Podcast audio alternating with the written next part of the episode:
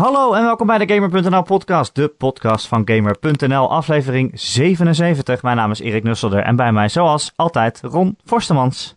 Hey, hey. Hey Ron, Hey, je bent er weer. Ik ben blij. dank je. En eh, we hebben eh, eh, buitenlands bezoek vandaag. Ja, Althans, eh, niet een buitenlander, maar hij zit wel in het buitenland. Namelijk in de UK. Eh, Martijn van der Meulen. Hallo. Woe! Hey Martijn. Oeh. Ja, we hebben geen applausenmachine of zo. Dat is, eh, Nee, nee. Ja, dat is wel- ja. Eh, Martijn is van eh, de studio Snapfinger Click. Eh, In Brighton, toch, zitten jullie? klopt. Eh, Klopt helemaal. En die hebben eh, hun eerste game uitgebracht, Act It Out. Eh, ja, Martijn, vertel. Wat is dat voor spel? Ehm Act It Out is een partygame voor de woonkamer eh, voor de PlayStation 4. Ehm, het is een beetje gebaseerd op eh, hints en Pictionary eh, en ja, wat andere beetje ehm, ja, typische partygames die mensen samen spelen uiteraard.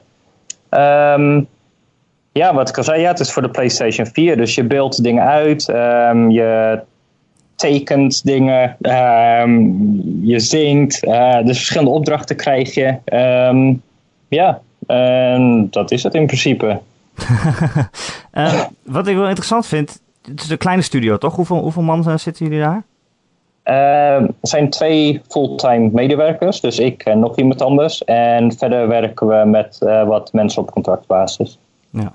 En hoe bedenk je dan om dit spel te gaan maken? Want heel veel kleine studio's of indies die, die beginnen eh, zo'n game studio omdat ze zo'n heel, eh, ja, wat, wat moet ik dat zeggen? Een idee hebben voor een heel spel, een emotioneel idee of een verhaal dat ze graag willen vertellen. En ik hoor niet zo vaak van studio's die dan gewoon dit soort sociale games ga- gaan maken. Ehm, nee, ja, dat kan best kloppen inderdaad. Alhoewel er best wel een paar ehm, goede social games zijn. Denk aan Fibbage bijvoorbeeld. eh, of Ja. Sports Friends voor de PlayStation 4. Ja, zeker. Ehm, ja, ja, ja, ja, ja, ja. Ehm, ja, en wat ik weet van die studio's zijn ze ook redelijk vergelijkbaar met onze opzet. En waar in ieder geval voor mij het heel erg vandaan komt, is ehm, dat ik het tof vind om games samen met anderen te spelen. Maar dan niet per se online, maar meer offline. En uiteraard, oh, vroeger eh, Super Nintendo, Mario Kart, allemaal tof. Ja, Eh, en dat bestaat uiteraard nu nog steeds, maar ik heb het idee dat het een stuk minder is. Ehm, ja, en de focus ligt vooral op online voor heel veel developers. En Ja. ja, ja dat is allemaal prima. En heel veel mensen vinden het super tof. Eh, ik vind het ook wel tof. Maar ja, dus is er een gat in de markt, denk ik. Ehm, en ik persoonlijk mis dat heel erg. En ja, ik wil gewoon toffe partygames maken. Ja. eh, die ik samen met mijn vrienden kan spelen. En dat is een beetje waar Act It Out ook vandaan kwam. Eh, ja, verschillende prototypes voor coole partygames. En eh, een van de games waar we het dus over hadden was Hints. En Hints is echt een game die echt iedereen snapt. Je kan echt met je ouders spelen of mensen die kinderen hebben. Je kan het concept heel makkelijk uitleggen. Maar ja, ondanks dat het echt heel makkelijk is en zodra je het eenmaal speelt dat het echt heel leuk is, ehm, heel veel mensen spelen het gewoon niet meer. En een van de dingen waar wij dus achter zijn gekomen was dat, ja, het is gewoon echt te veel gedoe. Als je het met mensen speelt, dan, eh, ja, mensen bedenken zelf dan hun, eh, hoe noem je dat, hun geheime zinnen eh, die ze gaan uitbeelden. Mhm. En ja, dat zijn altijd vaak dezelfde dingen. Ehm, heel erg specifiek eh, gebaseerd op de interesses van die ene persoon. Ja, Ron die kiest Eh, altijd eh, worstenbroodjes. Dat is heel vervelend. Altijd hetzelfde. Ja, nou. ja oké. Oké. Ehm, ja, en allemaal wel leuk en aardig. Maar ehm, ja, bijvoorbeeld, ehm, ehm, kijk je J- de Late Show with eh, Jimmy Fallon? Ja. Ja, zeker. Ja. Ja, en ehm, nou, daar spelen ze regelmatig eh charades of hints in het Nederlands dus. Ehm, en dat werkt daar echt super goed. En de mensen die het daar spelen, ehm, iedereen lacht, iedereen heeft super veel plezier. En een van de redenen daarvan is, denken wij in ieder geval, ehm, ja, je hebt geen controle over wat je voorgeschoteld krijgt. Dus ehm, het is een breed scala aan onderwerpen. Dus, en dat is een van de dingen die Acted Out dus doet. Wij hebben uh, heel erg uh, lang gezocht naar de beste en de leukste dingen om uit te beelden in de game. Of om te tekenen of bijvoorbeeld te zingen. wat werkt en wat werkt niet. En dan constant testen met vrienden en familie. En uh, nu hebben we dat, um, het spel is dus beschikbaar in uh, Engels, Frans, Italiaans, Duits, Nederlands en Spaans. Ja. En voor al die talen, per taal, hebben we dus um, tussen de 1500 en de 1700 geheime zinnen, uh, of titels, of wat dan ook, ja, ja. Um, die daarin zitten. En die zijn echt allemaal specifiek gekozen. Oké, okay, maar wacht even. Je hebt dus voor al die talen heb je eigenlijk in principe aparte versies. Maar is het dan ook zo dat je kleine culturele verschillen hebt meegenomen, zeg maar, tussen landen? Dat je de, bij de ene, zeg maar, bepaalde, ik weet niet, filmverwijzingen of zo, bijvoorbeeld in Italië, die ze in Duitsland niet zouden begrijpen, dat je die ook nog hebt toegevoegd? Ja, klopt. Um, dus het is niet, uh, oh, hoe heet noem maar wat, Lord of the Rings in het Italiaans. Uh, maar je hebt bijvoorbeeld ook uh, Italiaanse films of ja. Nederlandse nummers.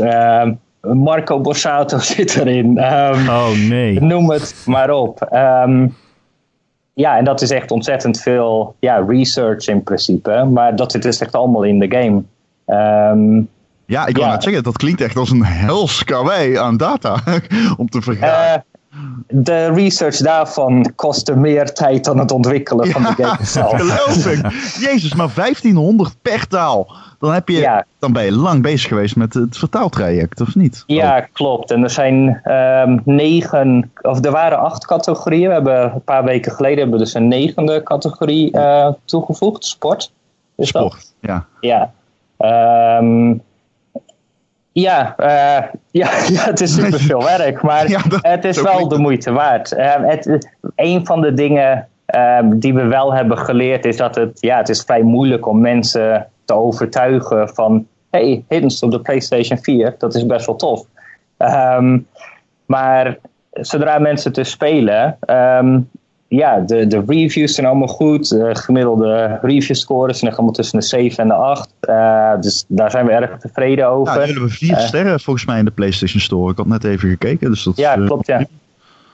Ja, klopt. Uh, dus erg, ja, daar zijn we erg tevreden over. En nu is het dat we dus constant um, gratis updates doen voor de game.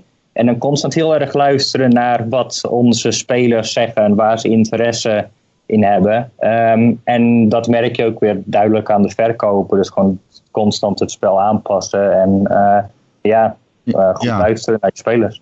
Ja, ik, uh, wat, ik, wat ik mij afvraag, ik, ik heb het hier in het verleden wel eens met een andere, een, een Nederlandse indie dev over gehad. Hoe is de support van Sony? En uh, die, die waren ronduit positief daarover. Als in dat Sony echt heel toegankelijk was en zo. Nu weet ik niet of jij hetzelfde hebt ervaren, maar ondervang je daarin wel steun van Sony in heel dit traject? Want jullie zijn op dit moment exclusief voor de PlayStation 4, toch? Ja, klopt. Ja, en ja, ik kan alleen maar lovend zijn over um, Sony. En ja, vooral als je nagaat dat ja, PlayStation 4, uh, zeg maar de grootste console op dit moment. dus je kunt je voorstellen dat mensen die achter of die op de indie developers letten, dat die echt super druk zijn. Ja. Maar ja, de ondersteuning is echt ontzettend goed. Constant advies. We hebben best veel gesprekken gehad met hun over oh, wat is de beste prijs voor de game? Hoe kunnen jullie helpen qua, um, qua het bereiken van PlayStation-eigenaren? En op de dag dat de game uitkwam, stonden we vrijwel op de volpagina van de PlayStation Store in heel Europa. En we hebben onze de trailer voor de game hebben ze getweet. En we kregen een blogpost, een PlayStation blog. Dus uh, ja, kan er echt oh, alleen maar over, cool. over zijn. Ja, ik ja. zag ook, jij hebt een vinkje op Twitter. Nee, ik heb geen vinkje op Twitter. Nee, op, nee, op uh, PSN. Op PlayStation. Oh ja. Ik zei het fout. Ja, klopt ja. ja. Klopt ja. Uh, jij bent niet uh, iemand die uh, vanuit school of opleiding gelijk zo'n kleine studio is gestart, toch? Je hebt nog een, een langere gamecarrière gehad. Waar, uh, waar ben jij begonnen? Uh, ja. ja, goede vraag. Um, ik heb dus oorspronkelijk heb ik uh, mode en vormgeving gestudeerd. En terwijl ik dat deed, was ik al bezig met het bouwen van websites. En ja, dat vond ik interessant. En uh, websites bouwen voor, uh, ja, voor retailers uh, vooral. En ja, dat is wel interessant. Maar uiteindelijk wil je ook ja, je eigen dingen doen. En ik was sowieso altijd wel erg geïnteresseerd in games en gameconsoles. Dus uiteindelijk begonnen met een Game Boy Advance website. eind jaren 90, begin 2000. En ja, dat ja, dat gewoon uit jezelf om dat, om dat bij te houden. Gewoon uh, ja, eigen, klopt. eigen uh, nieuws siteje, zeg maar. Ja, um, ja, schrijven over Game Boy games. En uh, ja, dat was wel populair. Dat viel uiteindelijk op bij Electronic Arts in Nederland. En die hebben een Nederlands sales- en marketingkantoor. En daar uiteindelijk een sollicitatiegesprek gehad als uh, online marketeer, zoals dat heet. Wacht even hoor, dus jij hebt een eigen website gemaakt over games en daardoor is EA jou op het spoor gekomen? Om ja, klopt. Want, ja, want net als, um, ik noem maar net als bij Gamer.nl, ja, je praat uiteraard met mensen van EA en Ubisoft en Nintendo en hmm. Sony. Um, dus uiteindelijk leer je mensen kennen. En dat is een beetje het geval bij ons. En um, nou ja, ze zochten dus iemand om uh, te helpen met het openen van een Nederlandse EA-site. Want begin 2000 had Electronic Arts nog geen Nederlandse website. Nee, uh, het gaat nog eens heel groot worden op internet. Oh, ja, klopt ja. Um, dus ja, uh, die website gebouwd. Um, dat iets van drie jaar gedaan. Dus meerdere websites gebouwd. Um, ja, is allemaal leuk en aardig. Toen weer um, vertrokken, omdat ik toch mijn eigen ding wilde doen. Dus weer begonnen met een gamesite, uh, Zen Gamer. We die uh, volgens mij sommige mensen nog wel kennen. ja, dat, dat liep dus niet goed. Um, meerdere redenen uh, daarvoor. Maar uh, ja, het komt erop neer van, oh, dat werkt uiteindelijk niet. Maar wel ontzettend veel van geleerd. Een paar maanden lang geschreven voor een tijdschrift daarna. En ja, toen weer terug naar EA. En bij EA ben ik toen uh, verantwoordelijk geworden samen met een collega voor de Nederlandse lokalisatie van EA Games. Um, zoals je bijvoorbeeld wel weet, uh, Harry Potter, The Sims. Um, ja, allemaal Nederlandse localisatie. Ook nou een Simpsons game, toch? Ja, klopt, maar dat was later. Okay. En um, ja, dat is gedaan, localisatie voor een paar jaar. Uiteindelijk uh, was ik verantwoordelijk voor Harry Potter. En dat liep uiteindelijk uh, door naar een functie als assistant producer voor um, een andere Harry Potter game. En daardoor ben ik dus verhuisd naar Spanje op een gegeven moment. Jeetje. En ja, um, daar dus een jaar gewerkt. En nadat ik assistant producer was voor Harry Potter, ben ik gepromoveerd tot producer voor de Simpsons game, inderdaad. Vet. Dus dat is echt cool. Dat gedaan. Welke Simpsons game is dit? Ik heb meerdere in mijn hoofd. Deze game heet gewoon The Simpsons Game. Dat is, is dit die op de PlayStation 2? Was op PlayStation 2, maar ook op PlayStation 3. Oké. Okay. Ik denk dat ik het nog wel weet. Toffe game, mij heb ik gespeeld. um, ja, dat is gedaan. En ja, na de Simpsons game uh, kwam ik in contact met mensen van Sony. En die, nou ja, zoals mensen misschien nog wel kunnen herinneren, uh, PlayStation Home. Um, aangekondigd, duurde echt ontzettend lang voordat het uiteindelijk beschikbaar was. Dus uh, tijdens de development had ik dus gesprekken met Sony. En ja, die hadden dus interesse in een producer uh, om PlayStation Home uiteindelijk te, te shippen, zoals dat heet. ja. Dus ja, ja toen naar Londen verhuisd. natuurlijk. PlayStation Home is. Uh, wat, wat, wat, wat, deed, wat deed je daar dan uh, precies uh, aan? Ik bedoel, wat, wat, wat moest je dan dagelijks doen? Um, ja, meerdere dingen. Maar een van de um, dingen waar ik me echt heel erg op richtte was zorgen dat er genoeg te doen was in PlayStation Home. Oh, dus ja. um, in het begin, ja, er was gewoon niet zoveel. Er waren iets van vier of vijf ruimtes waarin je rond kon lopen en praten met je vrienden. En je kon bowlen. En dat was het. en ja, we wilden dus meer doen. Dus ik had gesprekken met um, first party Sony studios. Um, Media Molecule, Guerrilla Games, je kent ze wel. Ja. Ehm, en third party, dus wederom EA, maar ook Rockstar Games. En eh, zorgen voor content in home. Dus ehm, uiteindelijk meerdere uh, projecten met hun gestart, zodat je ehm, ook hun content in home uh, kon zien. Hoe kijk jij nu terug op PlayStation Home? Het is natuurlijk nooit, nooit echt een heel groot succes geworden, heb ik het idee, toch? ja, het ligt er echt heel erg aan hoe je het bekijkt. Voor Sony was het een erg groot succes. Um, Er waren ontzettend veel gebruikers, maar een van de dingen die wel duidelijk was, was dat de gebruiker was gewoon niet de gemiddelde PlayStation-eigenaar. En uiteraard is dat een beetje een moeilijke definitie, maar um, ja. Het was niet de hardcore gamer, bedoel je? Nee, klopt. En zelfs de ja, gemiddelde casual gamer, zelfs daar viel het nog wat buiten.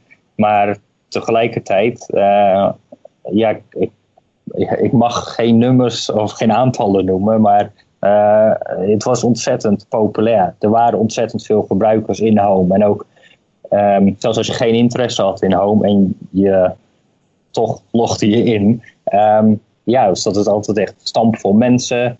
Um, en iedereen droeg ja, premium content noemen we dat dus. Maar uh, kledingstukken die je kon kopen. Um, ja? Mensen hadden hun eigen appartementen. Um, je kon arcadekasten okay. kopen. er was zo gigantisch veel te doen. En ja, dat, dat liep gewoon wel. Maar dat viel echt compleet buiten ja, zeg maar wat, je, wat je gewend bent. En als developer en als gamer. Ja, waarbij, wat jij zegt. Ik heb, had inderdaad altijd het gevoel dat het zo van, ja, dat, dat bestond en er zaten misschien wel veel mensen in, maar ik kwam daar helemaal niet mee in aanraking of zo. Uh -huh. ja. Nee, maar voor, ook voor mij als ontwikkelaar, ik vind het echt heel erg fascinerend. Uh, waarom vinden mensen dit interessant en um, ja, waarom blijven ze hier? En dat, uiteraard niet geheel onverwachts, maar het komt heel erg neer op oh, het persoonlijk contact, het gevoel van community. Als je voor heel veel gebruikers, als je ehm, daar eenmaal voor open staat, van hé, hey, hier lopen allemaal vreemde mensen, laat ik wat praten met ze. Uh, vervolgens voegen mensen die mensen toe aan hun friendslist. Uh, en vanuit daar blijven mensen wel regelmatig contact. En dan komt het neer op: hey, um, ben je vanavond online? Uh, ja, mensen vinden het leuk om te praten met elkaar. dus ze spreken met elkaar af in hun appartement, in PlayStation Home.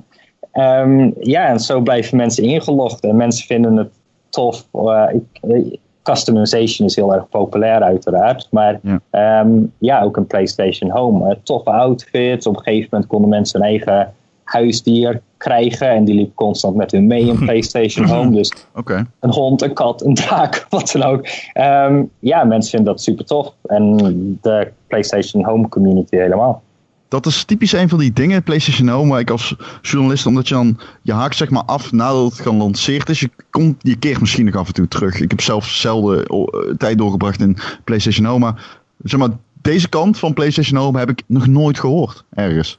Dat het um, daadwerkelijk iets heeft opgeleverd financieel. Dat er daadwerkelijk appartementen waren. Dat je huisdieren had. Details die ik niet wist.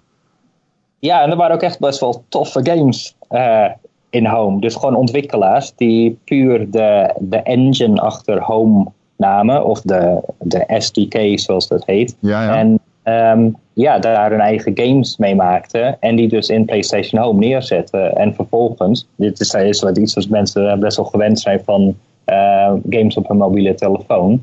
Um, ja, je gaat naar een PlayStation Home ruimte, je doet wat in-app purchases, dus je koopt credits voor een game. Uh -huh. uh, vervolgens loop of vlieg je rond in een hovercraft-achtige mech. Um, schiet je dingen neer, uh, online battles met andere mensen. Er waren space sims in home, uh, RPG's. Oké. Okay. Uh, ik kan wel wat links doorsturen. ja, ik ben nou wel benieuwd. Oké. Okay. Um, ja. Ook um, een tijdje geleden, misschien een ja. half jaar geleden of zo, op Kotaku was er een heel um, ja, uitgebreid artikel over PlayStation Home. En best wel veel interviews met mensen die werken aan PlayStation Home. En uh, ja, als je interesse hebt in zeg maar, de geschiedenis van PlayStation Home, dan is dat wel een aanrader. Ja, zeer zeker. We kunnen hem bij het, uh, op game.nl op de website bij de post van deze podcast zetten. Dan kunnen mensen daarop klikken en dan uh, gaan ze meteen naar dat artikel. Ja, een link heet dat erom. Dat is uh, link. goed uitgelegd. Ja. Hyperlink, hè? Hyperlink. Zou het niet Hyperlink, echt... het, ja, een hyperlink. Dat jullie bij de Telegraaf nooit doen. zou het niet echt een heel goed idee zijn om, om voor Sony om PS Home uh, nog een keer te proberen als de VR uitkomt?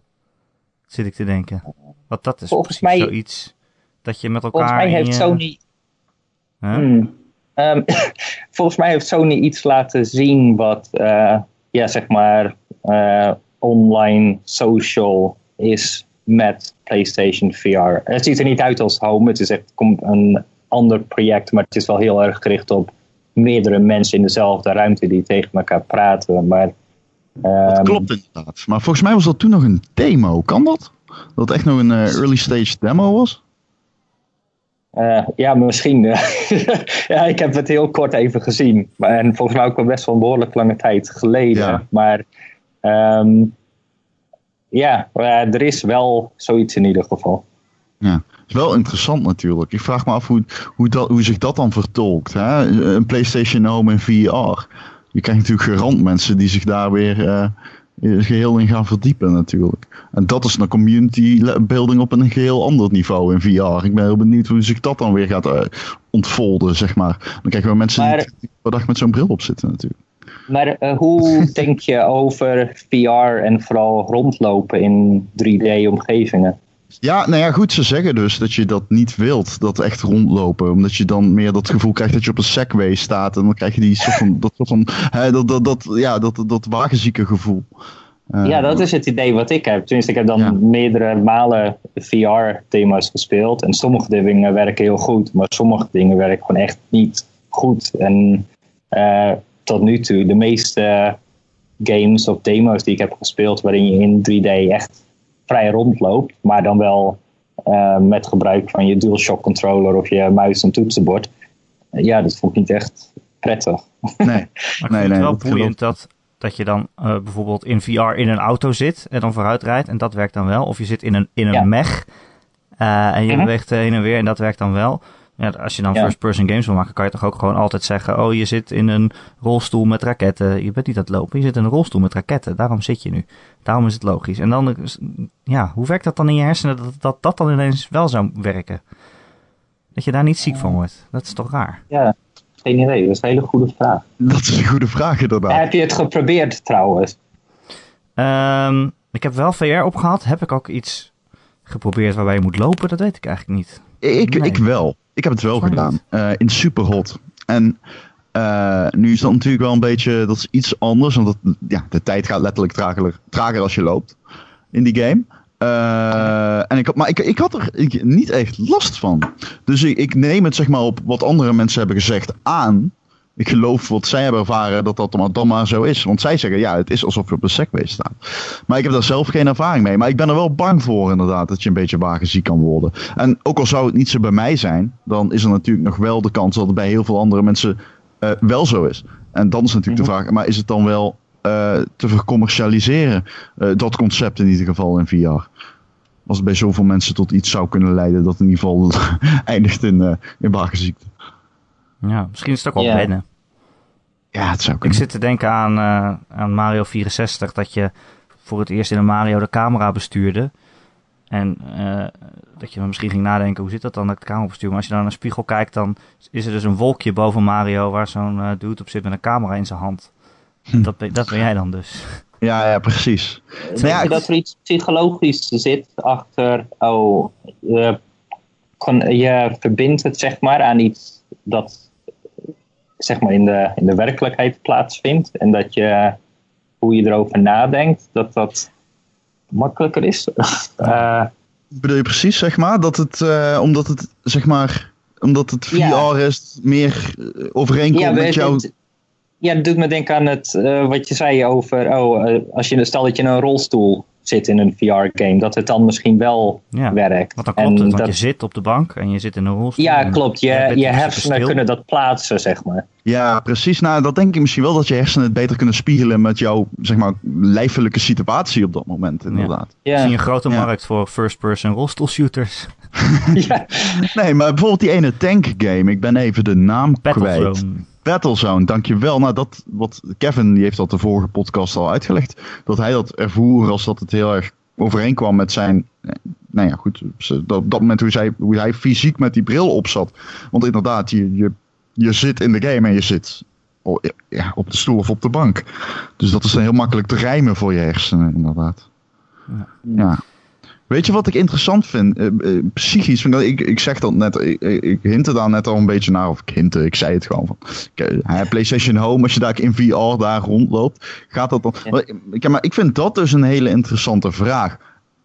In, in het geval van VR. En ook omdat die helemaal niet te concretiseren valt en nog heel speculatief is. Maar gaat VR voor veel meer immersie zorgen? En als dat zo is, eh, wat voor effect gaat dat hebben op zeg maar, eh, de, de bredere trends in gaming? Want ik zie dus wel voor me dat iets als PlayStation Home inderdaad vertolkt wordt naar VR.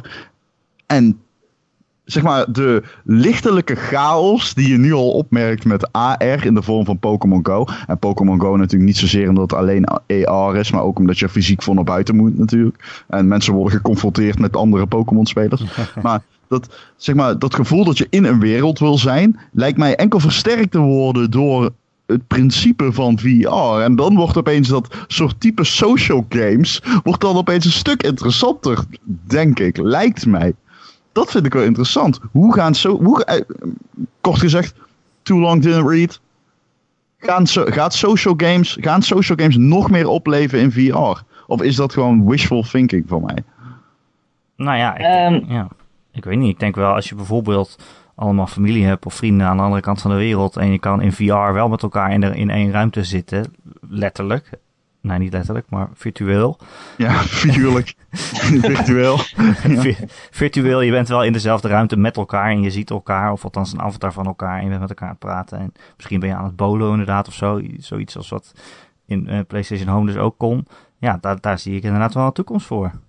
Ja, want Mhm. mensen hadden dat al in Sec. Ik weet bijvoorbeeld Second Life. Ik heb laatst een interview. Nee, niet laatst, dat was best lang geleden. Maar dat eh, met zo'n hele Second Life community. Echt zo'n groep aan Second Life spelers.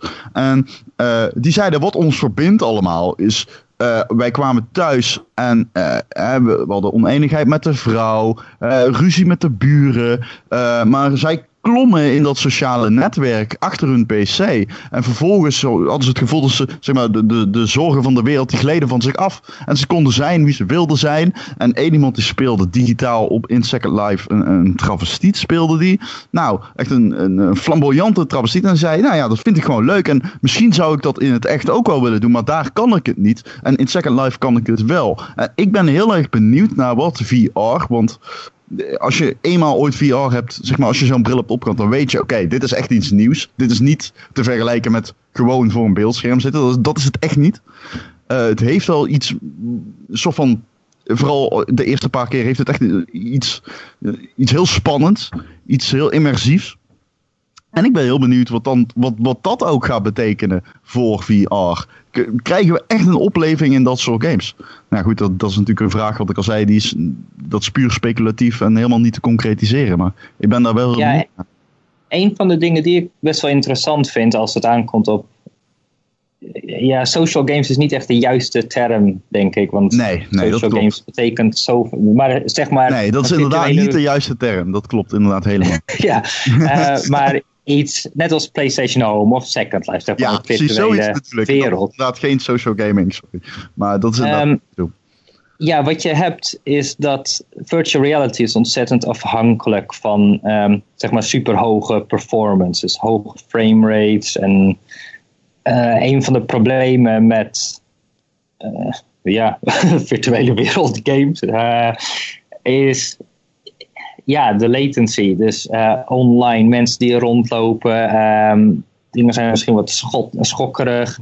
Ehm, ja, die ervaring lijkt me wat ja, wat ruw, zeg maar. En volgens mij is dat wel een van de dingen die het wat minder aangenaam maakt als je zoiets doet in VR.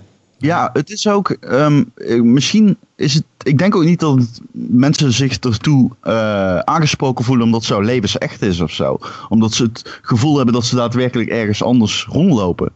Eh, nou ja, dat laatste misschien dus wel. Maar ik denk niet dat het juist. Ik denk, kijk, je hebt altijd Silicon Valley-achtige, of dat nog veel minder, dat het gewoon krakkemikkig is. En dat je inderdaad niet het gevoel hebt dat je echt met iemand anders praat. Maar ik kan me wel voorstellen dat je een hele andere dimensie geeft aan het begrip communiceren met iemand. op het moment dat je daadwerkelijk in je huiskamer tegenover elkaar staat.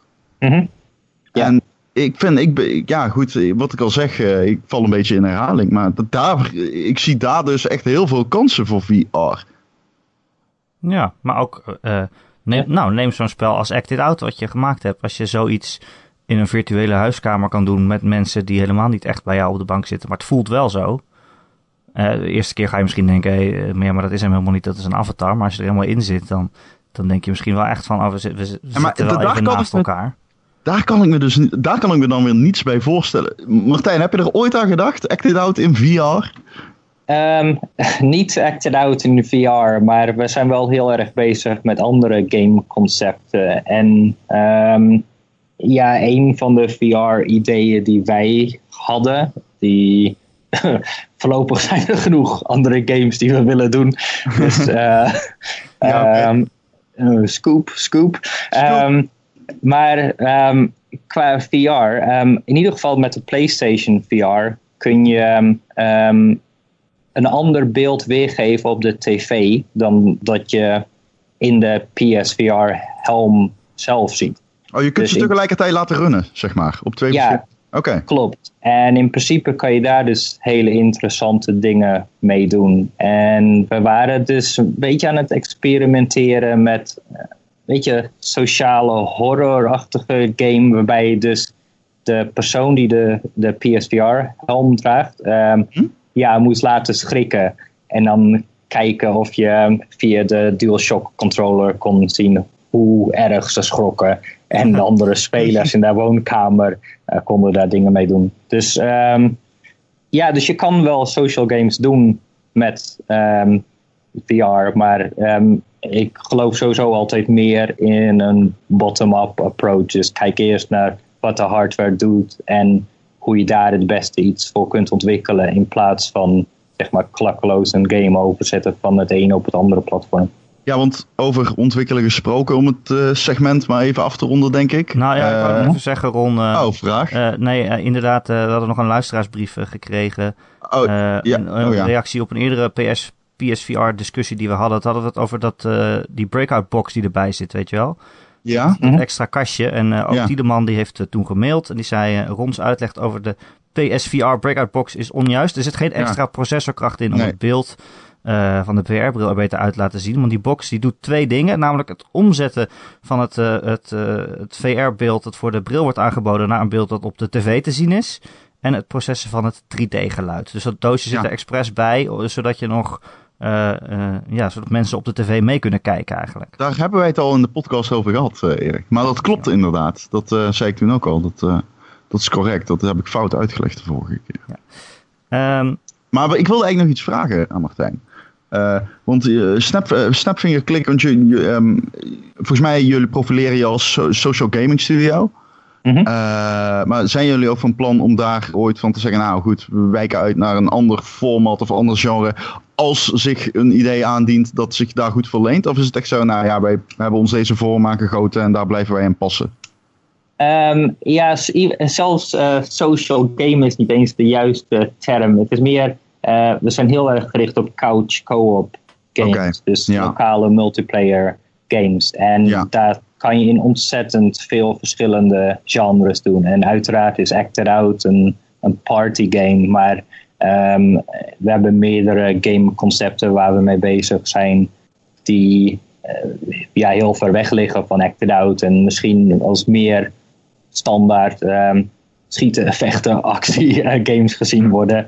Eh, maar die gewoon puur toffe couch co-op games zijn. Ja, Ja. want als we op de, jullie website kijken, dan staat daar één een blokje met de Acted Out erin en één blokje met de Coming Soon. Klopt. Ja, wat kunnen we nog wat kunnen we verwachten? Wat is, oh. Binnenkort doen we een aankondiging daarover. Hmm. Ehm, als alles mee zit, is dat binnen vier weken ongeveer, vier, vijf weken. Uh, maar om op de hoogte daarvan te blijven, kun je Snapfingerclick op Twitter volgen. Ja, ja, Snapfingerclick. Ja, Dankjewel. Heel goed. heel goede pitch, heel goede pitch. Ja. Ik wilde eigenlijk een scoopje eruit halen, maar het is een. Uh, ik merkte het, Erik, maar goed geprobeerd. Nee, nee dat, is, dat is niet gelukt. Uh, Martijn, je hebt dus voor, voor IE gewerkt, voor Sony. Wanneer uh, dacht je, nou, nu ga ik mijn eigen bedrijfje oprichten? Um, nadat ik bij Sony wegging, heb ik een tijdje bij uh, Relentless Software gewerkt. Die uh, mensen misschien nog wel kennen van de Buzz Quiz Games. Oh, uh, PlayStation.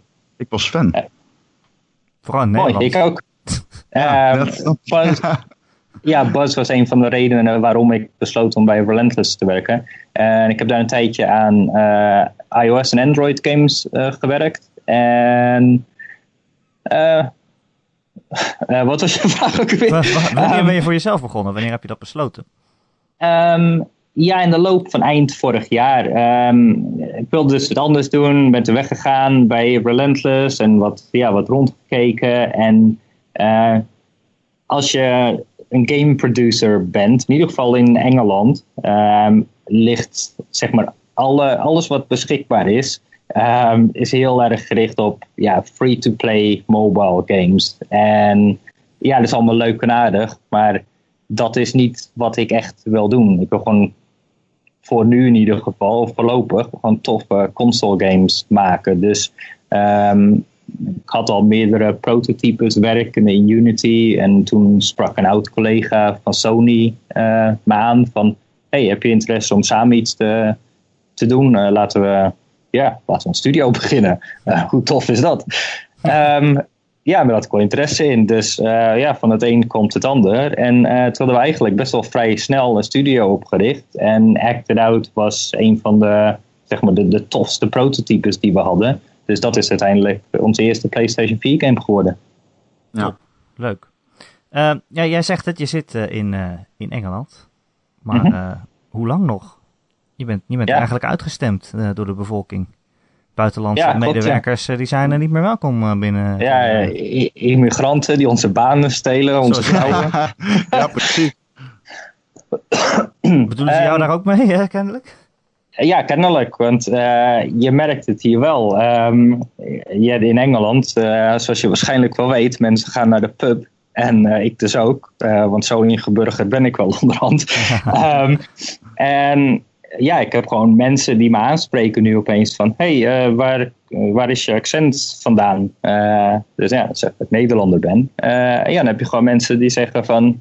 Oh, ja, wanneer ga je weg? Want jouw soort hebben we eruit gestemd. Oh. Jezus. Oh ja, mijn dus, god. En dat is ook niet eens als grap bedoeld. Mensen zijn oh, gewoon heel erg serieus. Oh. Um, en zeg maar rond de tijd van het referendum was het al erg. Want dan gingen mensen klagen over um, ja, immigranten vanuit de EU of buiten de EU, wat dan ook. Um, ja, en dan, uh, ja, dan een beetje aan uh, horen wat die mensen zeiden. En, en, dan zeg ik van ja, ik ben ook gewoon immigrant, ik werk gewoon. Um, ja, en die mensen antwoorden gewoon uh, met ja, iets van oh ja, maar jouw soort bedoelen we niet. ja, dat is gewoon echt, ja, dat, dat gebeurt hier gewoon. Dus echt, dat je hebt te bizar voor woorden. Ja het, ja. het, is echt naar. Um, ja, um, maar ze hebben er wel op gestemd, ook al bedoelen ze jou misschien niet. Ik bedoel, ja, het, je nou ja. er wel mee. Is Blijkbaar ja, bedoelen ze uh, wel ook. Dat is bizar. Ja, klopt. Dus uh, voorlopig, uh, ja, ga ik meer om met mijn vrienden dan met vreemdelingen. um, maar is dat ook echt een reëel, uh, reëel ding inderdaad? Dat jij, want ze hebben geloof ik twee jaar om te onderhandelen dan, vanaf het moment dat ze een brief indienen. Wat ze ook nog niet gedaan hebben bij de EU, maar om, om eruit te stappen. Maar is het dan inderdaad zo dat jij uh, eigenlijk uh, ja, weg moet? Nou, ja, in principe. Het, het, punt is nu dat Theresa May, de nieuwe prime minister, um, heeft aangegeven dat, ze, ehm, ja, dat de, de status van EU-immigranten, zoals ik dus, uh, niet gegarandeerd is. En um, ja, als je er gewoon logisch over nadenkt, dan snap je dus dat ze dat gebruiken om te onderhandelen met de EU. Ehm, want ja, het is een probleem natuurlijk. De EU-landen vinden het natuurlijk ja, apart als al de mensen die in Engeland zitten opeens terug moeten. En alle chaos van alle Engelsen die in andere EU-landen zitten, die opeens terug moeten naar het Verenigd, Kon Verenigd Koninkrijk. Um, ja, dat is chaos uiteraard. En um, ja, um, zij wil dat dus gebruiken als methode om te, of middel om te onderhandelen. Wat, ja, wat te bizar voor woorden onderhandelen? is. Dat is toch geen onderhandelingstechniek? Ja. Wij hebben echt een bizar dom idee. Kom, we gaan onderhandelen. Ja. ja, nee, natuurlijk. Maar dat is hun stok achter de deur op dit dat, moment. Dat ze dom zijn. Ja, ja maar ja, goed, zo is dat wel. Helaas. Ja, okay. dus... Um, dat, is, dat is de onderhandelingstechniek. Als ons domme plan doorgaat, dan wordt het chaos. Dus onderhandel met ons. Ja, maar je hebt uh, protesten in Londen, uh, petities, uh, van alles nog wat is gaande om druk uit te oefenen op de overheid voor zeg maar de garantie dat EU-immigranten gewoon in Engeland kunnen blijven. En tot nu toe zegt de overheid van ja, er is nog geen beslissing over genomen, wat, ja, wat gewoon frustrerend is voor is volgens mij heb je 3,3 miljoen immigranten in het Verenigd Koninkrijk, of EU-immigranten. Dus uh, ja, 3,3 miljoen mensen met ja, zeg maar onzekerheid of ze hier kunnen blijven. Wat, ja, wat gewoon niet fijn is. Maar, nee. maar ben je al uh, bezig met, met, met andere plannen maken dan? Want je hebt gewoon een, gewoon een bedrijf opgericht in dat land. Dat is toch... Ja, precies. Is er een backup Ja, klopt. Met Engelse werknemers, uh, ja. betaal Engelse belasting. oh ja, en die worden weer uh, onder, oh, door de ja, buitenlandse klopt, maar, ja, heerser. Mijn voorlopige plan is gewoon puur om af te wachten, om te zien hoe het gaat. Want ja, voorlopig blijft het een onderhandelingsmethode. En ik denk dat in werkelijkheid dat het gewoon en een slechte onderhandelingsmethode is. Want volgens mij wil niemand dat EU-immigranten teruggestuurd worden naar wat voor land dan ook. En dat wacht ik dus gewoon even af. En ja, als ik weg moet, dan zijn er nog andere dingen. Ik woon nu acht jaar in Engeland en uh, kan dus uh, burgerschap aanvragen. Uh, dus dat is een oplossing.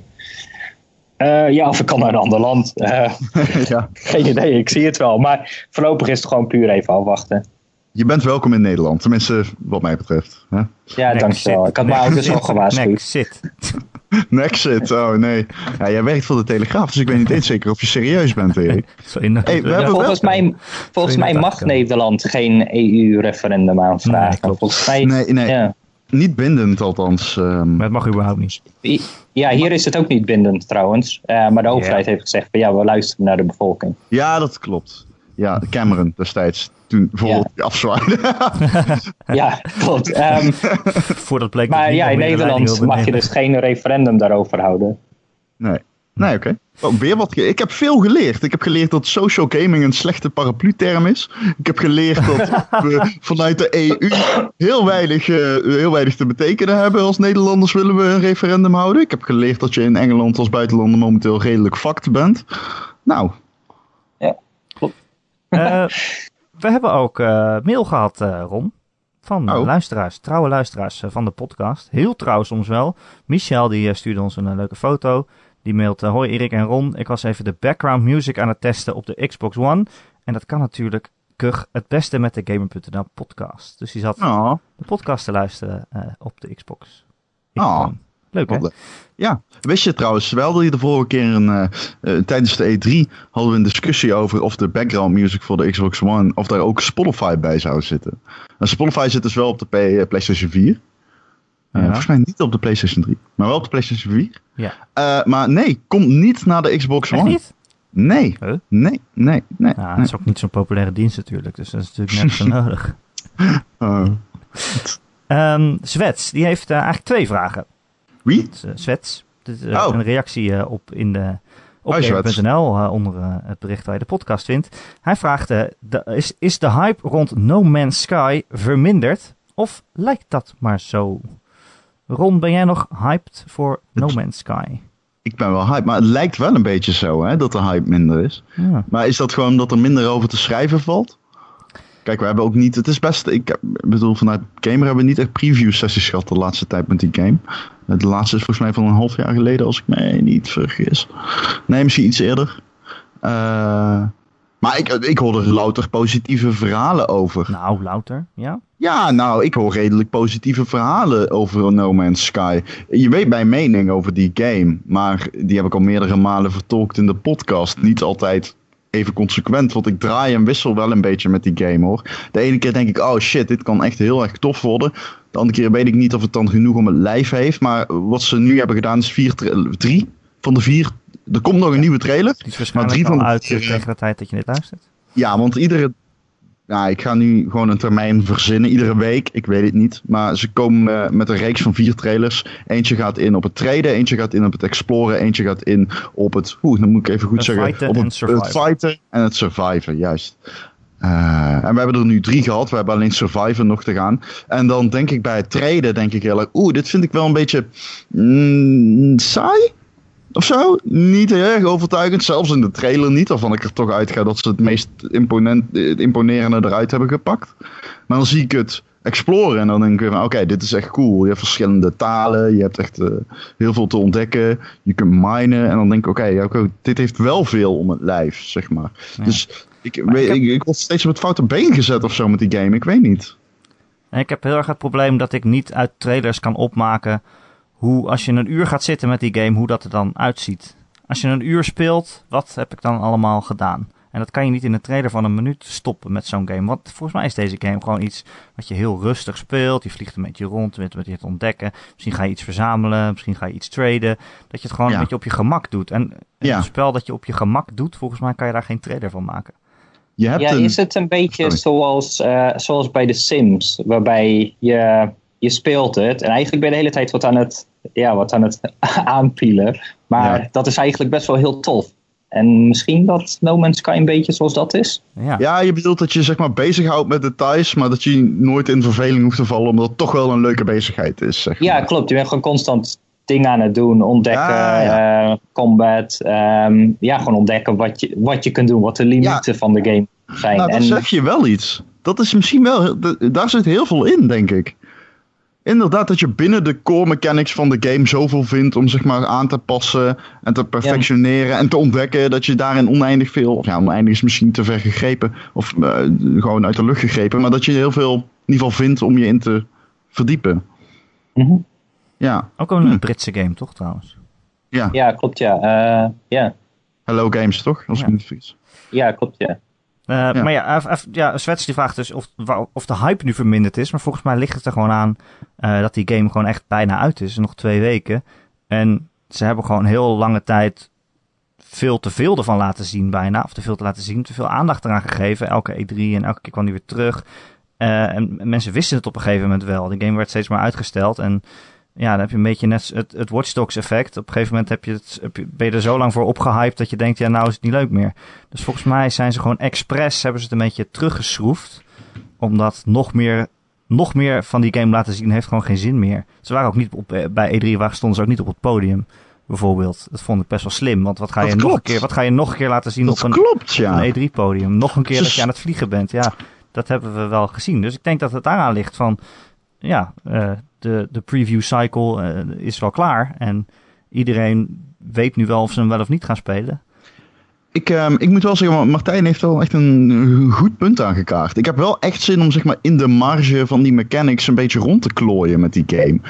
Al is het maar gewoon om wat planeten te ontdekken. Of uh, af en toe gewoon een beetje te minen. Of te kijken wat, hoe ik mijn schip kan verbeteren en zo. Ja. Dat is wel een aspect waar ik eigenlijk nooit over nagedacht heb bij No Man's Sky. Ik heb wel heel veel gezeten van... Mm, ik heb vooral zin om het een co-op te doen. Als zo van twee badass space cowboys gewoon het universum ontdekken. Ja, maar dat kan niet. Nee, maar dat kan niet. Nee. nee het is geen echte multiplayer game. Het is geen echte multiplayer game. Nee, andere spelers zijn ghosts. Nou, ja. u lijkt. Precies. Ja, ik weet ook niet met die game. Volgens mij wordt het of heel erg tof of uh, saai. ik denk ook niet dat het er tussenin zit eigenlijk. Ja, Martin Verschoor van Inside Gamer noemt het wel eens gekscherend uh, No Man's saai. Haha. Al een jaar. en nou ja, goed, ik weet het niet. Het, ik, ik moet wel zeggen, per trailer differentieert het. Het kan mij soms ook wel, dus dan maakt het iets minder indruk. Maar ja, goed, het is allemaal uit de lucht gegrepen. We moeten even afwachten. Zo blijft het toch. Ja, precies. Bij dit soort spellen. Uh, Svets vraagt uh, ook iets, nog iets anders. Zou, uh, het is een heel, heel aparte vraag, maar misschien toch leuk om over na te denken. Oh. Um, zou een e-sport voor Pokémon Go kunnen werken. Volgens mij. Een competitieve versie van, uh, van Pokémon Go. Hoe? Ik verslik me in mijn cola gewoon. Zou dat kunnen, Ron? Jij, jij Pokéfan? Um, ik zie op dit moment geen e-sports format voor me. Nee, niet uh, per definitie. Nee, want je moet naar buiten, dus je kan niet in een arena Pokémon Go spelen.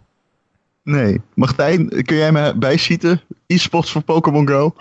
Um, nee, en volgens mij komt dat omdat in de meeste e-sport games de game mechanics staan vast. Dus je speelt bijvoorbeeld oh, Street Fighter 5 bijvoorbeeld. Een vast aantal personages, vast aantal moves, wat dan ook. Dus het is echt puur gericht op skill. Terwijl Pokémon Go is heel erg, of niet heel erg, maar onder andere afhankelijk van geluk speelt een rol. Waar ben je in de wereld? Dus loopt iedereen op dezelfde plek rond? Nou, dat, eh, dan is het geen toffe game, want oh, de Pokémons verschijnen op iedereen's beeldscherm. Um, ja, het maakt het zeg maar te chaotisch en te onvoorspelbaar om het echt als een toffe e-sports game neer te zetten. Nee. Ik kan me gewoon niet voorstellen dat het werkt. Ja, en volgens mij heb je die vaste definities nodig om een toffe e-sports game te maken. Want ja, een gebalanceerde e-sports game natuurlijk. Hè? Het uh, vaste waarde garanderen balans. En uh, als jij uh, triviale spelmechanics hebt, dan kun je per definitie geen e-sports, nou ja, competitieve games zijn. Laat staan een e-sports game, denk ik. ja, als geluk een te grote rol speelt, ja, dan, ja dat is gewoon niet, niet tof om te zien. Dan wordt het heel triviaal. Nou ja, goed, dan krijg je dus dat iemand in, in Australië heel veel Ekkens vangt en ik heel veel Pidgeys in Tilburg. Nou, ik weet niet of dat nou echt garant staat voor een leuke e-sports ervaring. Hey, overigens, ik, ik heb eh, de laatste tijd wat van die gym battles gedaan in Pokémon Go. Daar ben ik nu dus erg mee bezig. Dat is eigenlijk de enige competitive mechanic in die game.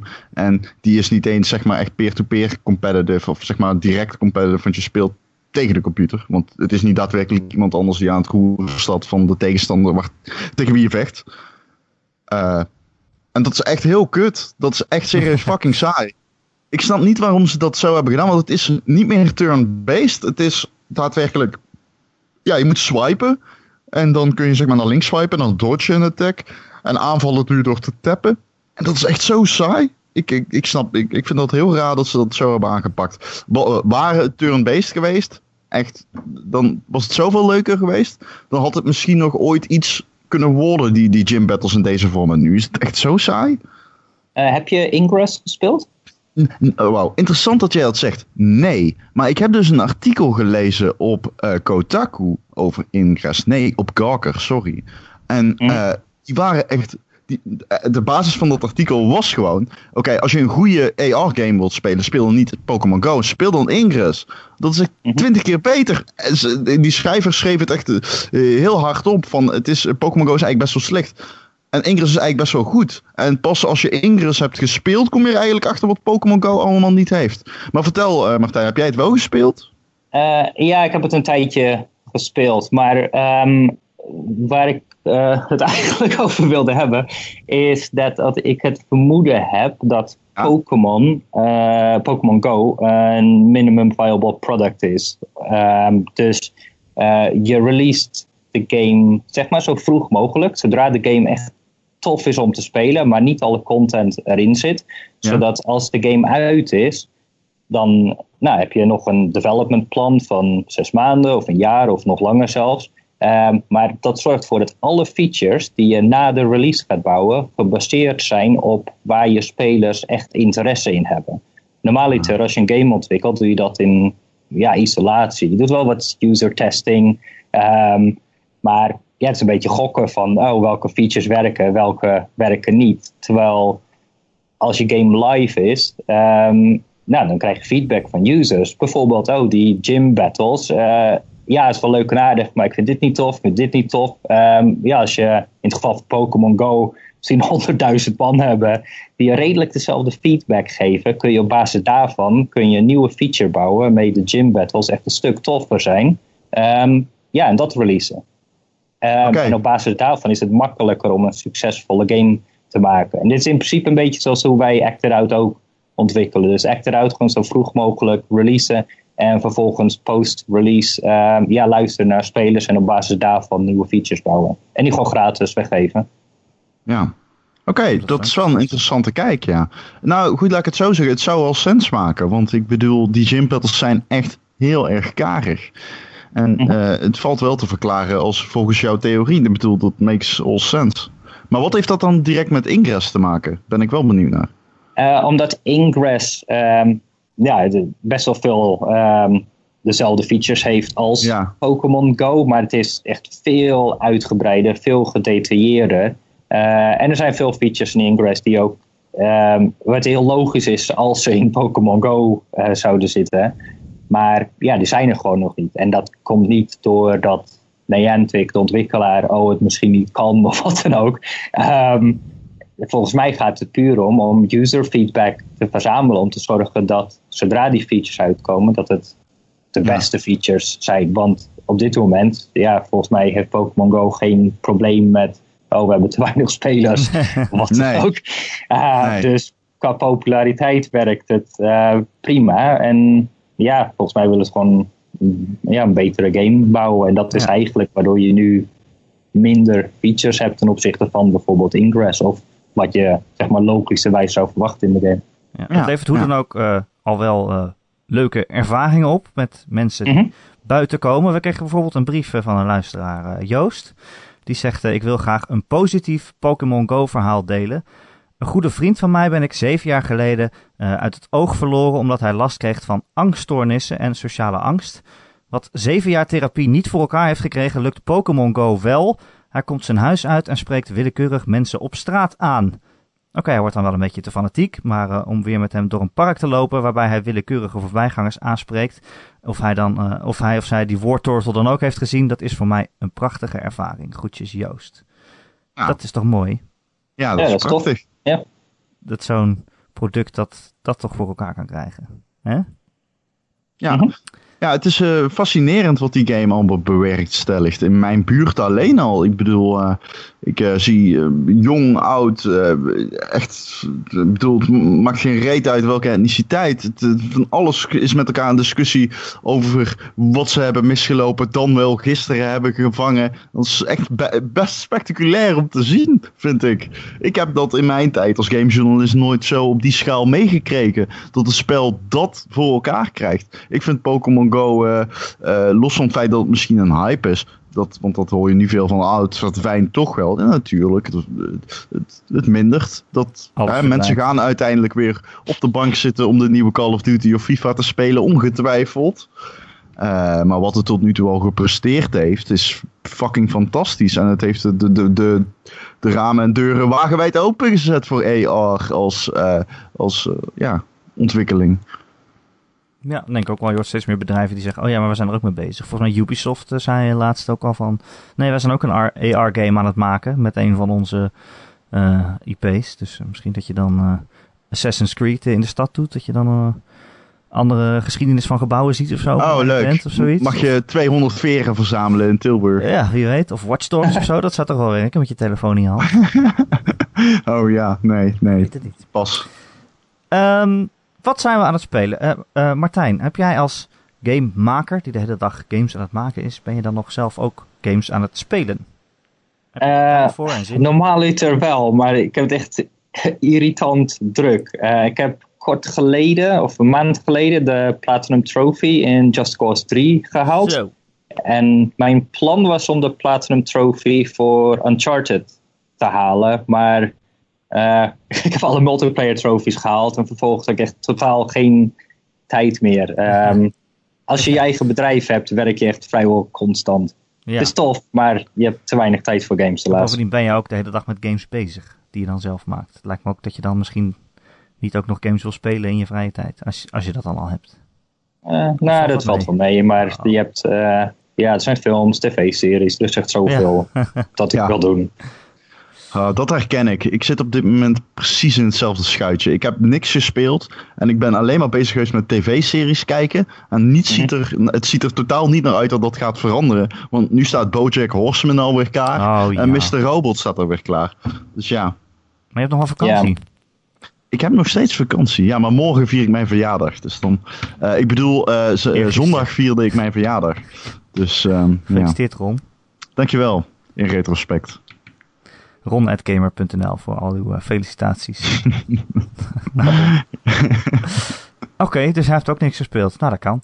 Ik nee, ik heb eh, niks gespeeld. Ik heb eh, eh, Beyond Two Souls gespeeld. Ik weet ook niet precies Oh, waarom. dat is, eh, dat is, oké. De remake. Of ja, de. PlayStation 4 Remaster, versie, ja. ja. want ik Ja. had dus, het was een aanbieding met eh, Heavy Rain en Beyond eh, samen voor 20 euro of zo. Ja, even de, de, zeg Mhm. maar, hè, want de vorige keer dat we het hierover hadden, hadden we het over Heavy Rain. Toen kwamen we beide tot de conclusie dat het voor ons niet, de- zeg maar, de game was. Best wel ergerlijk af en toe.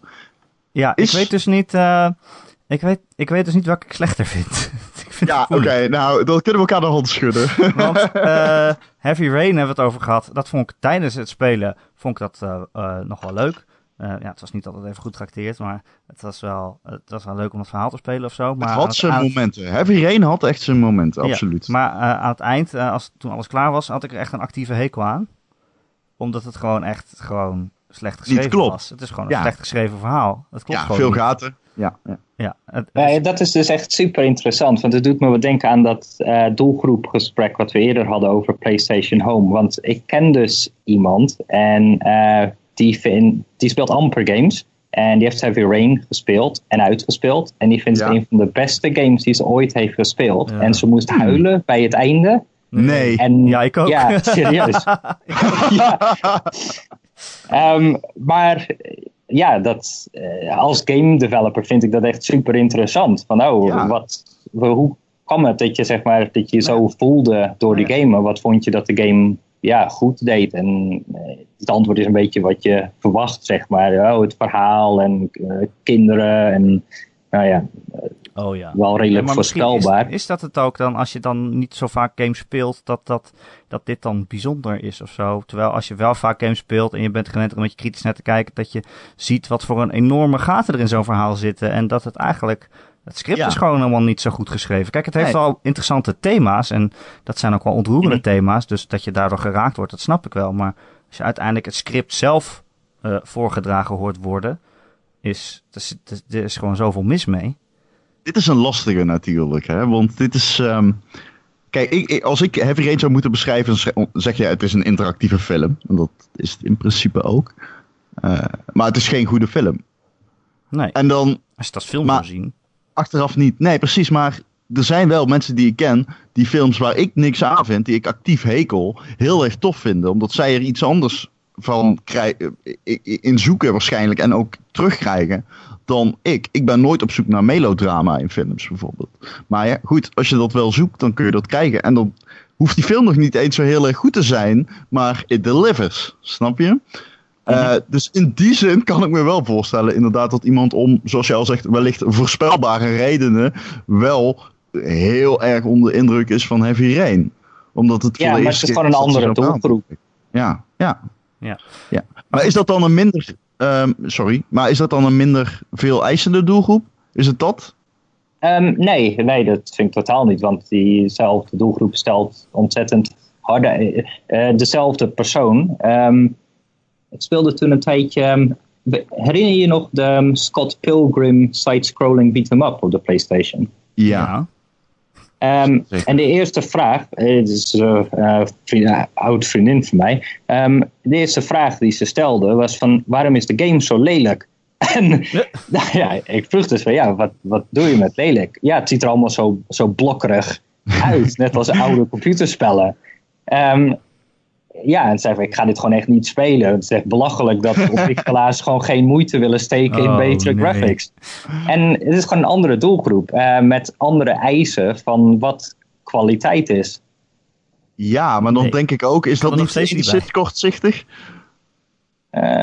Ja, misschien, misschien, maar ehm, Als, ja, je, dat, als jij je zou haar kunnen uitleggen van, nou luister, dit is een bepaalde artstyle en de- Mhm. deze game is niet door een hele grote studio gemaakt en hè, dit, dit is de stijl waarvoor ze gekozen hebben en de vorm past het beste bij het uiterlijk op deze manier. En als je dat dan uitlegt, zou ze dan nog steeds zeggen, ja, maar ik vind dat ze er geen moeite in hebben gestoken. eh, ja, Eerste kanttekening trouwens. De game is gemaakt door Ubisoft. Dus, Oh, oké. dus geen, kleine studio. Nee, dat is Maar, zeker geen kleine studio. Ehm, ja, maar dat punt voegt gewoon niks voor haar toe. En eh, het is hetzelfde met bepaalde films, waarbij, oh ja, het verhaal is beter geschreven, maar ja, als het onderwerp waar niet interesseert, of bij heel veel mensen, ehm, ja, dan houdt het gewoon op. Het maakt niet uit hoe goed of slecht de film is. Als het onderwerp niet interessant is, of een heel goed onderwerp met een slecht verhaal, kan nog steeds heel interessant zijn. Ehm, ja, iedereen heeft zijn eigen interesses en wat ze belangrijker vinden. Ja, maar dan, dan nog kan ik er niet bij dat je Heavy Rain een goede, goed verhaal vindt aan het eind, als je hem uitgespeeld hebt. Oh ja, maar goed verhaal is wat anders. Het gaat meer over de algemene ervaring, denk ik. Ja, nou dat zeg ik dus. Hè. Tijdens het spelen was het leuk, maar Ja. uiteindelijk... Kijk, die game die bouwt toe, die heeft een mysterie en die bouwt toe naar de ontknoping van het mysterie. En ik wil het niet spoilen voor mensen die het niet gespeeld hebben. Maar de ontknoping, het antwoord op de vraag, dat kan gewoon letterlijk niet. Nee. Het spreekt zichzelf gewoon Ja. overal tegen. En Hoe heet het dat kind ook weer in uh, Heavy Rain? Jason. Oh ja. Het is een beetje net als Lost. eh, Walt, Walt. Ja. Ja, Ja, ja ik my moet boy. waar ik het meest hekel aan had in Rain is dat het bepaalde zaken niet uitlegt. En ik weet, Ja. ik heb daarna op moeten zoeken of dat lag aan het pad dat ik bewandeld had, zeg maar. En het feit dat ik bepaalde keuzes had gemaakt en dat die dan weer op een andere manier terug, dat die segmenten die die keuzes behandelen, dat die op een andere manier of juist misschien wel helemaal niet eh, terugkeren in de game. Maar op bepaalde plotpunten kon ik gewoon geen antwoord vinden. Maar goed, ik- ja, Heavy Rain had ik dus aan het eind Ja. een hekel aan. En nu heb ik dus Beyond Two Souls eh, gespeeld. Daar Ja. ging het over. Het, eh, Ja. het, het, het, eh, de volgende game van Qu- Quantic Dream was dat natuurlijk. Eh, en eh, de- die, ja, daar zat ik... Ja, ik verveelde me gewoon een beetje wel tijdens het spelen. Dus dat, dat deed me gewoon niet zoveel. Kijk, de gameplay is nog veel beperkter eigenlijk. Je kan dan rondvliegen als een, als een, als een soort eh, geest. En dan denk je, sommige mensen kan je, kan je overnemen, of sommige mensen kan je vermoorden, en sommige mensen kan je helemaal niks mee doen. En met wie je wat dan wel niet en niet kan doen, is gewoon totaal willekeurig wat het spel toevallig goed uitkomt. Dus het is niet zo dat je lekker als geest eh, je, eh, gewoon je gang kan gaan en je eigen weg kan zoeken. En dus dat maakt het eigenlijk gewoon een soort rechtlijnige eh, ervaring waarbij je doet wat het spel je voorschrijft ongeveer. En je kan wel bepaalde keuzes maken af en toe, maar je hebt toch het idee dat je gewoon maar als, eh, meer, meer passief bent dan dat je in Moet je- Heavy Rain was. Maar moet je dan nog het vertrouwen, eh, moet je Quantic Dream en, en, en eh, David Cage nog het vertrouwen geven dan in, voor, voor Detroit? Nou ja, dat baart me dus wel ernstige zorgen. Ja, want iedereen zegt nu van, oh, Detroit, dat ziet er vet uit. En je bent, het heeft allemaal interessante thema's. Maar wederom, ja, interessante thema's is één ding. Maar er moet wel een goed script en een goede regie hebben. En volgens mij heeft David Cage dat niet. Maar hij kan het natuurlijk wel. Ik denk ook doen, dat het probleem voor David Cage is, is dat hij, zover ik weet in ieder geval, de enige persoon is die dit soort games maakt. En Ja. volgens mij is de, de, de learning curve als ontwikkelaar eh, ja, gewoon ontzettend steep. Wat is ja, dat? stijl, stijl, ja. Ja. Ehm, en daardoor komt het er in principe op neer van, oh, je maakt de game, het product. En ja, dat release je, nou, dan krijg je feedback op. En dan, ja, dan begin je aan de volgende game. En stap voor stap leer je. En uiteraard, als gamer gaat het er meer om van, hey, deze game komt uit, is het tof of is het niet tof? Eh, het is goed, is niet goed. Eh, maar als ontwikkelaar is het een leerproces. En daardoor zou je in principe verwachten dat iedere David Cage game of Quantic Dream game Mhm. ehm, ja, beter zou worden. Omdat ze Ja. leren van hoe Ja. dit genre werkt en wat wel werkt en wat niet werkt. Precies. Ja. Maar ja, nou ja, ik weet dus niet eh welke ik slechter vind. Ja. Want Ik heb dus aan de ene hand een game die ik tijdens het spelen leuk vond, maar aan het eind een hekel aan heb. En ik heb een game waar ik echt gewoon eh, eigenlijk niks bij voel. Heb je Mhm. liever geen gevoelens of ergens een hekel aan, Ron? Ehm, ik heb liever vanuit mijn professie, of professie, jezus, vanuit mijn eh, baan heb ik liever ergens een hekel aan, want dan kan ik er tenminste een duidelijke mening over ventileren als ik hem moet recenseren. Hè? Dan als je ergens geen beter in dat geval. Ja, ja, ja. Nee, maar dat is wel zo. Als je ergens niet echt een. Veelal, als je ergens geen mening over hebt, dan is dat niet een positief. ge- Nee. Is dat niet een positieve zin? Het is zo van me. Nee, want als het echt een verhalend spel is, dan roept het ofwel heel sterke emoties op die, hè, eh, die jou eh, zeg maar, aanspreken. Of dat, dan, dan heb je enigszins raakvlakken met die game.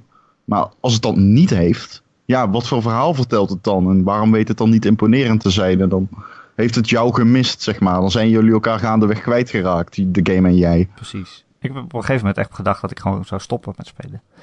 Maar toen heb ik het toch maar uitgespeeld. Ja, die zijn er. Er zijn games waarbij je, eh, verha verhalende games waarbij je gewoon afhaakt. Ja, dat vind, Ik, dat vind ik dan zonde. Dat je een halve game hebt gespeeld met een verhaal. En dat je hem dan niet uitspeelt. Dat kan ik gewoon niet. Nee. Heb je Far Cry 4 nog al gespeeld, Erik? Nee, nee, nee. Nee. Nee. Nog steeds nee. niet. Oké. Geen tijd Nee. voor. Nee, Beyond Two Souls was belangrijker kennelijk. Ja, en jij gaat natuurlijk No Man's Sky recenseren. Hè? Ja, Dus dat, eh, dat blijkt. Dat, eh, Ja. dat zit in de pijpleiding. Maar duurt Ik ben jaloers. twee weken, denk ik ik. ben oprecht jaloers op je. Ik weet het nog niet. Ik, ga, ik ga er neutraal in. Zoals dat Ja. Zo Eh, volgende week heb ik in ieder geval ook een leuk spel gespeeld. Dat beloof ik vast. Volgende Ah. week eh, is er weer een nieuwe Gamer.nl podcast. Want we zijn elke maandag te vinden eh, op onze website Gamer.nl. Daar kan je de, de podcast gewoon downloaden. Je kunt hem ook luisteren via ons YouTube kanaal. Of je kan je gewoon abonneren op een podcast service. Bijvoorbeeld eh, in iTunes. Als je daar toch bent, vinden we het heel leuk als je ook een recensie achterlaat. Sterretjes aanklikt en misschien nog een tekstje schrijft. Als je dan eh, abonneert, dan krijg je vanzelf de nieuwe podcast op je Apple-apparaten. En als je niet zo'n Apple-fan bent, dan zijn er ook allerlei andere podcast-services waar we gewoon in staan en waar je gewoon eh, op abonneren kunt klikken. Heb je een vraag voor de podcast of een, eh, een opmerking of een onderwerp wat je graag wil dat wij een keer behandelen, dan kun je mij mailen erik.gamer.nl, erik met een k, gamer.nl. Of net zo makkelijk eh, laat je gewoon een reactietje onder eh, op onze website, eh, onder het bericht waar je deze podcast hebt gevonden op de maandagochtend. Eh, Martijn, hartstikke leuk dat jij te gast wilde zijn. Ja, ja, was leuk. Gezellig. Ja, Ja, heel, heel gezellig. cool. Je was de eerste ontwikkelaar eh, die te gast was. Dus dat is wel interessant. Ik hoop dat vereerd. ja, ik hoop dat voor de luisteraars ook interessant was, volgens mij wel. Nou, eh, Eh, de, de, ja- de ja, hardcore, eh, de hardcore luisteraar zal, zal zich nog herinneren dat we in aflevering 5 eh, op de Dutch Comic Con stonden en dat daar eh, meerdere ontwikkelaars eh Oh, dat klopt. Aflevering ons, eh, 5. Helemaal ons, eh, hebben aangeschoven toen. ja, twee maanden. Ja, dat klopt, ja. Ja, dat klopt. Dat was, eh, toen, toen namen we hem nog live op, hè? Ja, op Dutch Comic Con.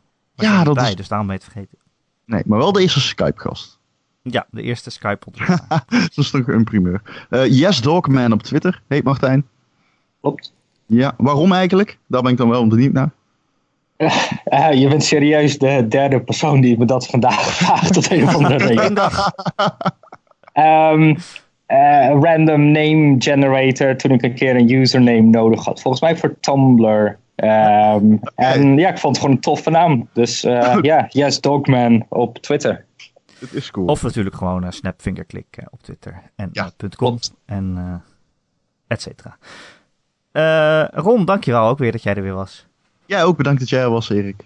en uh, tot volgende week. tot volgende week.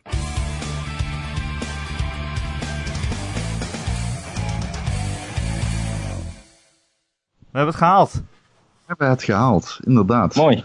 Af en toe wel een struggle. Het is zo warm, joh. Het is echt warm. Oh, man, man, man. Ik plak gewoon... Hoe warm is het daar? Oeh, het zou even voor je moeten kijken. Maar volgens mij is het nu iets van 25 graden. Ja, het valt eigenlijk nog mee, maar het is gewoon beklemmend ja. weer of zo. Ja. ja, je valt wel mee. Maar een paar dagen geleden was hier echt super warm. Echt onprettig. Ja. Ja, naar is dat. We hebben altijd iets te klagen als het weer kut is. En ja. dan heb je een keer iets warmer weer en dan is het ook weer kut. Het is te warm. Ja. Warm. Ik ging gisteren dus voor het eerst uh, mijn vriendin ook Pokémon aangesmeerd. Toen gingen we voor het eerst een rondje lopen, echt samen. Oh ja? Het is gewoon lekker om te lopen zo in het lekkere weer. En dan heb je ook een reden om te Zeker. lopen. Ja, Denk je niet dat die, dat die Pokémon-hype gewoon dood is zodra het gaat regenen?